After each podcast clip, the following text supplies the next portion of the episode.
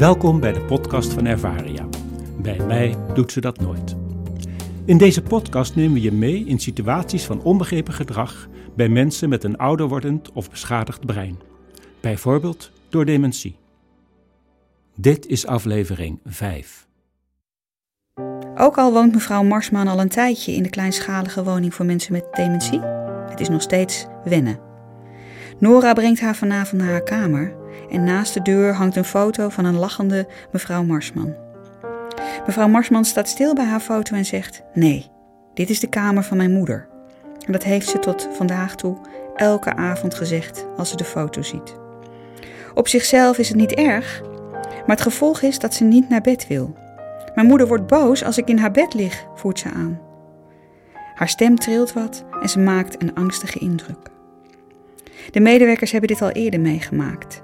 Bij het zien van een recente foto spreken sommige bewoners stevast over moeder of vader. Hetzelfde gebeurt ook heel regelmatig bij het kijken in de spiegel. Veel mensen met dementie herkennen zichzelf niet meer. Het team besluit dan ook om de recente foto bij de deur te vervangen door een oude foto. Bij mevrouw Marsman is dat haar trouwfoto die ze krijgen van haar dochter. En sinds die er hangt, loopt mevrouw Marsman naar de deur toe en lacht ze. Wat een knappe man heb ik toch eigenlijk. Bij mensen met dementie verdwijnen de nieuwe herinneringen het eerst, terwijl oude beelden en herinneringen zich juist sterker manifesteren. Het geheugen wordt als het ware opgerold. Zo kan het zelfbeeld van iemand met dementie ook veranderen, met het gevolg dat mensen zichzelf niet meer herkennen op recente foto's of in de spiegel. Het niet meer herkennen van het eigen beeld kan tot angst leiden. Dit was het geval bij mevrouw Marsman.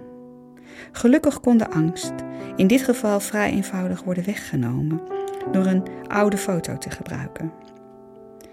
Als het brein hapert en het heden verdwijnt, dan kunnen beelden uit het verleden daar ontzettend bij helpen. Meer informatie is te vinden in ons boek Bij mij doet ze dat nooit.